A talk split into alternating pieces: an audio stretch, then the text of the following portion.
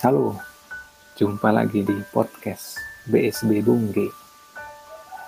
Berhenti sejenak bareng Bungge. Kali ini temanya adalah ongkang-ongkang kaki.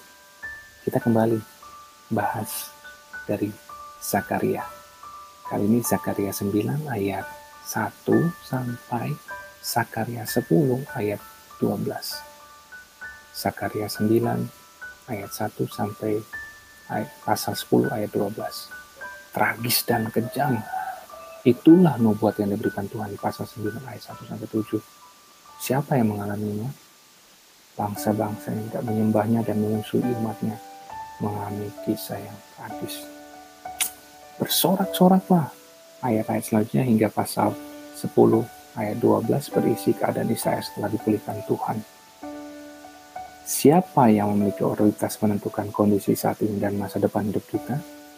Diri kita sendiri, orang lain, atau Tuhan? Kata yang banyak diucapkan di dalam perikop ini adalah kata aku.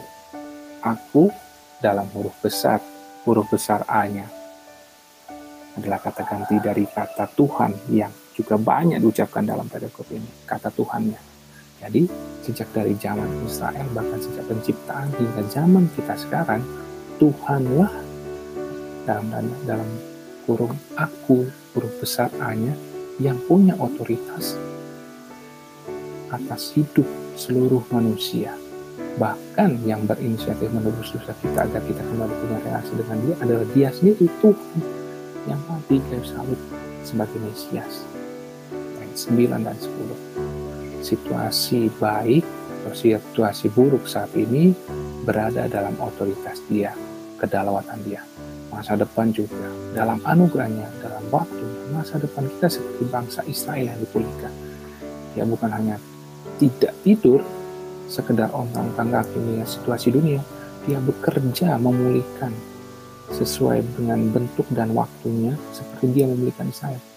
Jangan hilang harapan, bukalah hati kita menerima bentuk pemulihan yang mungkin tidak pernah kita pikirkan yang berbeda dengan yang kita harap.